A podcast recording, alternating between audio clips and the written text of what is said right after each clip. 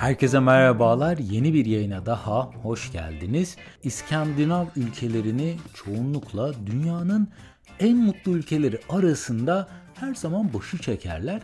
İskandinavlar ağır kış şartlarına ve bitmek bilmeyen gecelerine rağmen nasıl bu kadar mutlu olmayı başarıyorlar? İsterseniz gelin daha fazla beklemeden Hemen konunun detaylarına inelim. Bu arada yaptığım yayınları beğeniyor ve yeni yayınları kaçırmak istemiyorsanız dinlediğiniz platformlardan abone olarak tüm yayınlara anında ulaşabilir veya Patreon üzerinden bana destek olabilirsiniz. Yayına başlamadan önce çok ufak bir detaydan bahsetmek istiyorum.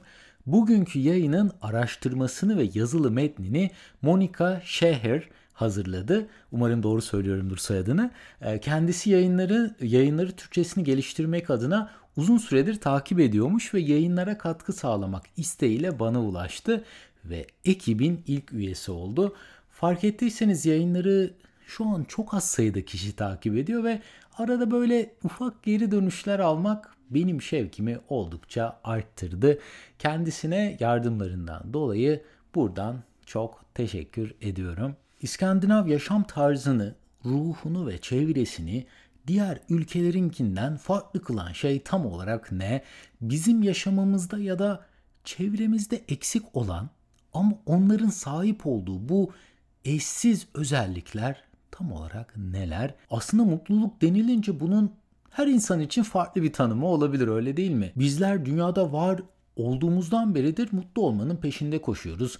Ya kimi insan için çok zengin olmak, kimi insan için çok güzel görünmek, kimisi için de çok başarılı olmak mutluluğun anahtarı olabilir. Bir de bu mutluluğun ölçümü de aslında çok kolay bir şey değil.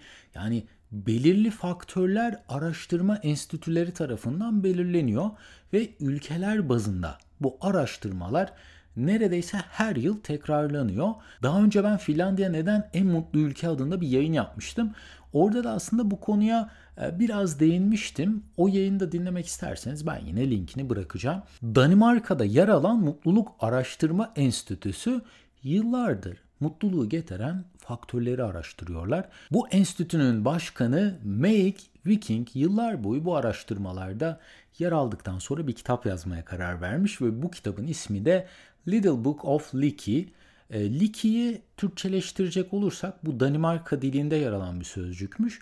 Mutluluk ve keyif anlamına geliyormuş. Danimarkalılar hiji kelimesini oldukça fazla kullanıyorlarmış. Bu kelimeyi de eğer Türkçeleştirmeye çalışırsak çok uzun bir tanım var aslında ama hayatın kargaşasından biraz uzaklaşıp değer verdiğiniz insanlarla zaman geçirmek anlamına geliyormuş. Yani gerçekten bir sözcük için oldukça uzun bir anlama sahip olduğu kesin.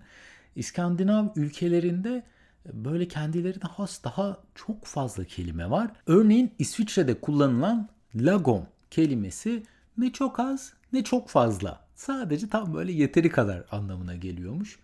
Peki sorulması gereken soru şu. Güneş olmayan yerde gerçekten mutlu olunabilir mi?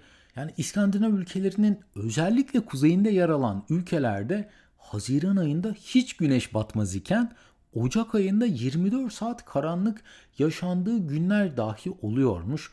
Yine Ocak ayında Stockholm'da mesela güneş sabah 8.47'de doğup öğleden sonra 14.55'te batıyormuş. Temmuz ayında ise güneş sabah 3.40'ta doğup akşam 22'de batıyormuş. Yani biz insanlar olarak her şeyimizi güneşe ayarlı şekilde yaşıyoruz. Yani uyumamız, uyanmamız, yemek yememiz, giyim şeklimiz hepsi güneşin hareketlerine bağlı olarak değişiyorlar ve daha önce İskandinav ülkelerine gitmeyenler ilk defa oraya vardıklarında bazı uyku problemleri ve buna ekstra olarak da psikolojik problemler ile karşılaşabiliyorlarmış. Güneşin yüzünü göstermeyi sevmediği bu bölgede tüm buna rağmen bu insanlar nasıl mutlu olmayı başarıyorlar? İskandinav ülkelerinde yaşayanlar bu uzun, karanlık ve soğuk geceleri tek başlarına geçirmeyi tercih etmiyorlarmış. Aynı semtte oturan aileler birbirlerine sürekli olarak gidip geliyor. Soğuk kış akşamlarında ev yapımı tarçınlı bir kek ve çay eşliğinde evin ana aydınlatmalarını kapatıp mum ışığı veya böyle daha loş aydınlatmalar ile bu gecelerin keyfini muhabbet ederek ve diğer insanlarla paylaşımlarda bulunarak geçiriyorlarmış. Hiji yaşam tarzı aslında sadece kışa özgü olan bir aktivite olarak da değerlendirilmiyormuş. Yani insanların kendini evinde hissettiği, stressiz, rahat bir ortamın ortam Hiji için yeterli koşulları sağlayabiliyor. E, bireyler bu esnada iş hayatından uzaklaşıyor ve rahat bir atmosferde oldukları için de anın keyfini daha fazla şekilde çıkarabiliyorlarmış. Tabi bir de kış mevsiminde İskandinav ülkelerinin kartpostallardaki gibi resmen bir doğaya sahip olmaları da bu rahatlamaya kesinlikle katkı sağlıyor. Aslında pek çoğumuz mutluluğu ne getirir deyince ilk olarak parayı düşünüyoruz. Ya çünkü para bizlere güzel bir ev, güzel bir araba, istemediğimiz işte çalışmama özgürlüğünü sunabiliyor. Fakat eğer çevrenizde kaliteli zaman geçirebileceğiniz insanlar yok iseler bu maddi varlıklar bizlerin sadece bir süreliğine mutlu olmasını sağlıyorlar. Ya, tabii bu arada bu ülkelerde yaşayan her insan mutluluğun böyle zirvesine ulaşmış değil. Suç oranının yüksek olduğu ve toplum içinde psikolojik sorunlar yaşayanlar da bu ülkelerde mevcut. Genellikle ilişkileri güçlü olmayan insanlar bu ağır şartlar altında böyle psikolojik sorunlarla karşı karşıya kalabiliyorlarmış.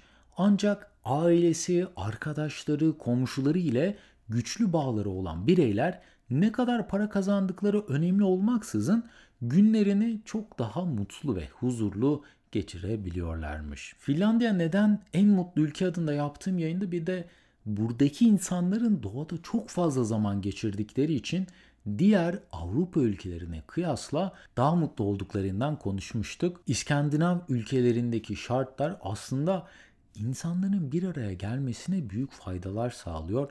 Çünkü uzun ve soğuk gecelerde insanlar tek başına kalmak istemedikleri için oldukça güçlü insan ilişkilerini inşa etmeyi başarıyorlar. Psikolojik olarak bu iş araştırıldığında insan ilişkileri güçlü olan bireylerin kendisine duyduğu saygının arttığı, mutsuzluk, uykusuzluk, yemek yeme bozukluğu gibi sorunların sorunları yaşama olasılığının da azaldığı görülmüş. Biz insanlar sosyal varlıklarız ve her zaman birbirimize ihtiyaç duyuyoruz. Şu an tüm dünya ile iletişiminizi kesip herkesten uzakta yaşamaya çalışsanız bu ilk başlarda keyifli ve insanı dinlendirici bir şey gibi algılanabilir ama yapılan araştırmalarda insanlarla iletişim kurmadan geçirilen süre arttığında psikolojik olarak sorunlar boy gösteriyormuş. Aslında ilerleyen teknoloji ile de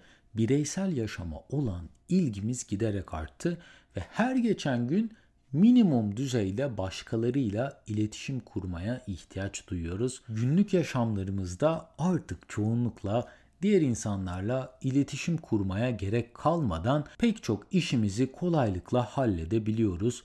Ben 5-6 yaşlarındayken hatırlıyorum halam ile ayda bir defa bankaya giderdik. O dönemler e, para çekmek ve fatura ödemek için bankaya gitmek dışında herhangi başka bir opsiyonunuz yoktu. Ve o dönemler bir çocuk olarak çarşıya çıkacağımız günü ben iple çekerdim. Çünkü tüm gün dışarıda geçerdi ve öyle olunca da dışarıda bir yemek yerdik. Artık bütün bu bankacılık işlemleri internete aktarılınca yani bankacıyı görmenize veya bir tam günü dışarıda harcamaya, alışveriş için esnaf esnaf gezmenize ve yemek yemek için bir yerde durmanıza açıkçası gerek kalmadı. Sadece 20 sene içerisinde hayatımıza dahil olan insanların pek çoğunu hayatımızdan çıkarmış olduk. Fakat İskandinavlar halen bu küçük topluluk ilişkilerine önem veren ve zaman ayıran kişiler ve bu sayede de yaşamlarından çok daha fazla tatmin duyuyorlar. Ayrıca daha fazla esenlik içinde de bu sayede yaşamayı başarıyorlar. Bugünkü konuyu toparlayacak olursak bu bölümde İskandinav ülkelerindeki High G yaşam tarzını inceledik. Umarım sizlere faydalı bilgiler sunabilmişimdir. Bu arada tüm yayının yazılı metnine ve yayında kullandığım kaynaklara açıklamalar bölümündeki link üzerinden ulaşabilirsiniz. En kısa sürede yeni yayınlarda görüşmek üzere. Kendinize çok iyi bakın. Hoşçakalın.